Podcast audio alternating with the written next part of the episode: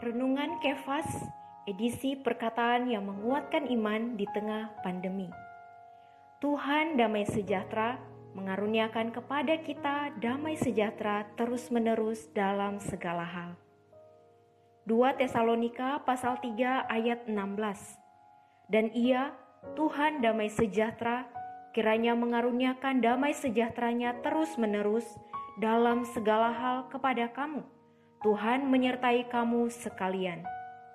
Saudara-saudari, di dalam kehidupan gereja, kita perlu damai sejahtera dalam segala hal dan dengan semua orang. Untuk itu, kita memerlukan Tuhan damai sejahtera, mengaruniakan kepada kita damai sejahtera terus-menerus dalam segala hal. Kita memiliki banyak kekhawatiran di dalam pikiran kita, mungkin untuk sementara kita dapat mengesampingkan kekhawatiran kita di malam hari saat tidur. Tetapi segera setelah kita bangun, pikiran kita berubah lagi.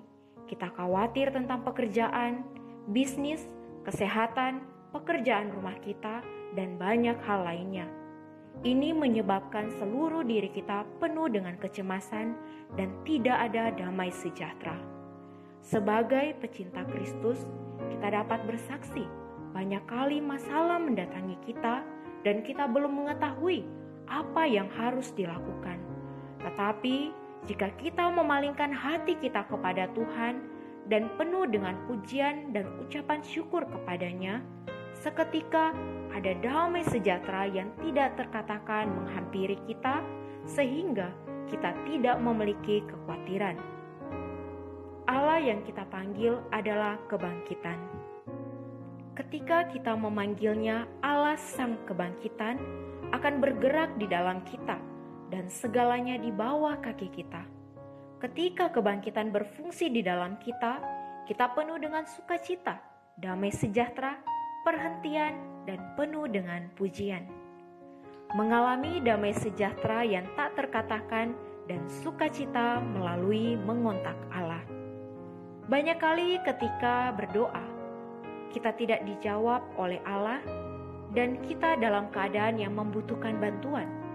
Apakah doa kita dijawab atau tidak? Selama kita mengontak Allah, Dia akan mengalir di dalam kita sebagai air hidup. Aliran ini adalah bantuan tepat waktu. Masalah-masalah kita mungkin tetap ada, atau bahkan menjadi lebih buruk, tetapi di dalam batin kita akan mengalami damai sejahtera dan sukacita yang tak terkatakan. Ini adalah bantuan tepat waktu. Bantuan tepat waktu adalah Allah yang hidup, Allah yang mengalir masuk ke dalam kita dan mengaliri kita untuk menyegarkan dan menyuplai kita. Jalan masuk ke dalam ruang Maha Kudus telah terbuka sekarang, dan kita bisa masuk ke dalam. Kita bisa menjamah tahta Allah dan Anak Domba mengalir keluar dari tahta untuk menyuplai.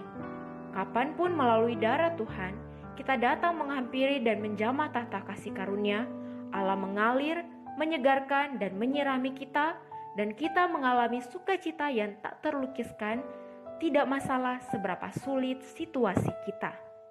Mari kita berdoa. Tuhan Yesus, aku memujimu. Engkaulah Tuhan damai sejahtera Engkau mengaruniakan kepada kami damai sejahtera terus-menerus dalam segala hal. Tuhan, aku membutuhkanmu. Meskipun aku masih memiliki banyak kekhawatiran, tetapi ketika aku berpaling kepadamu, seketika ada damai sejahtera yang tak terkatakan.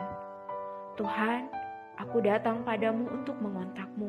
Engkau mengalir di dalamku sebagai air hidup, dan aku akan penuh dengan sukacita damai sejahtera, perhentian, dan penuh dengan pujian. Amin. Untuk melihat renungan lainnya, bisa lihat di Instagram @kevas Indonesia.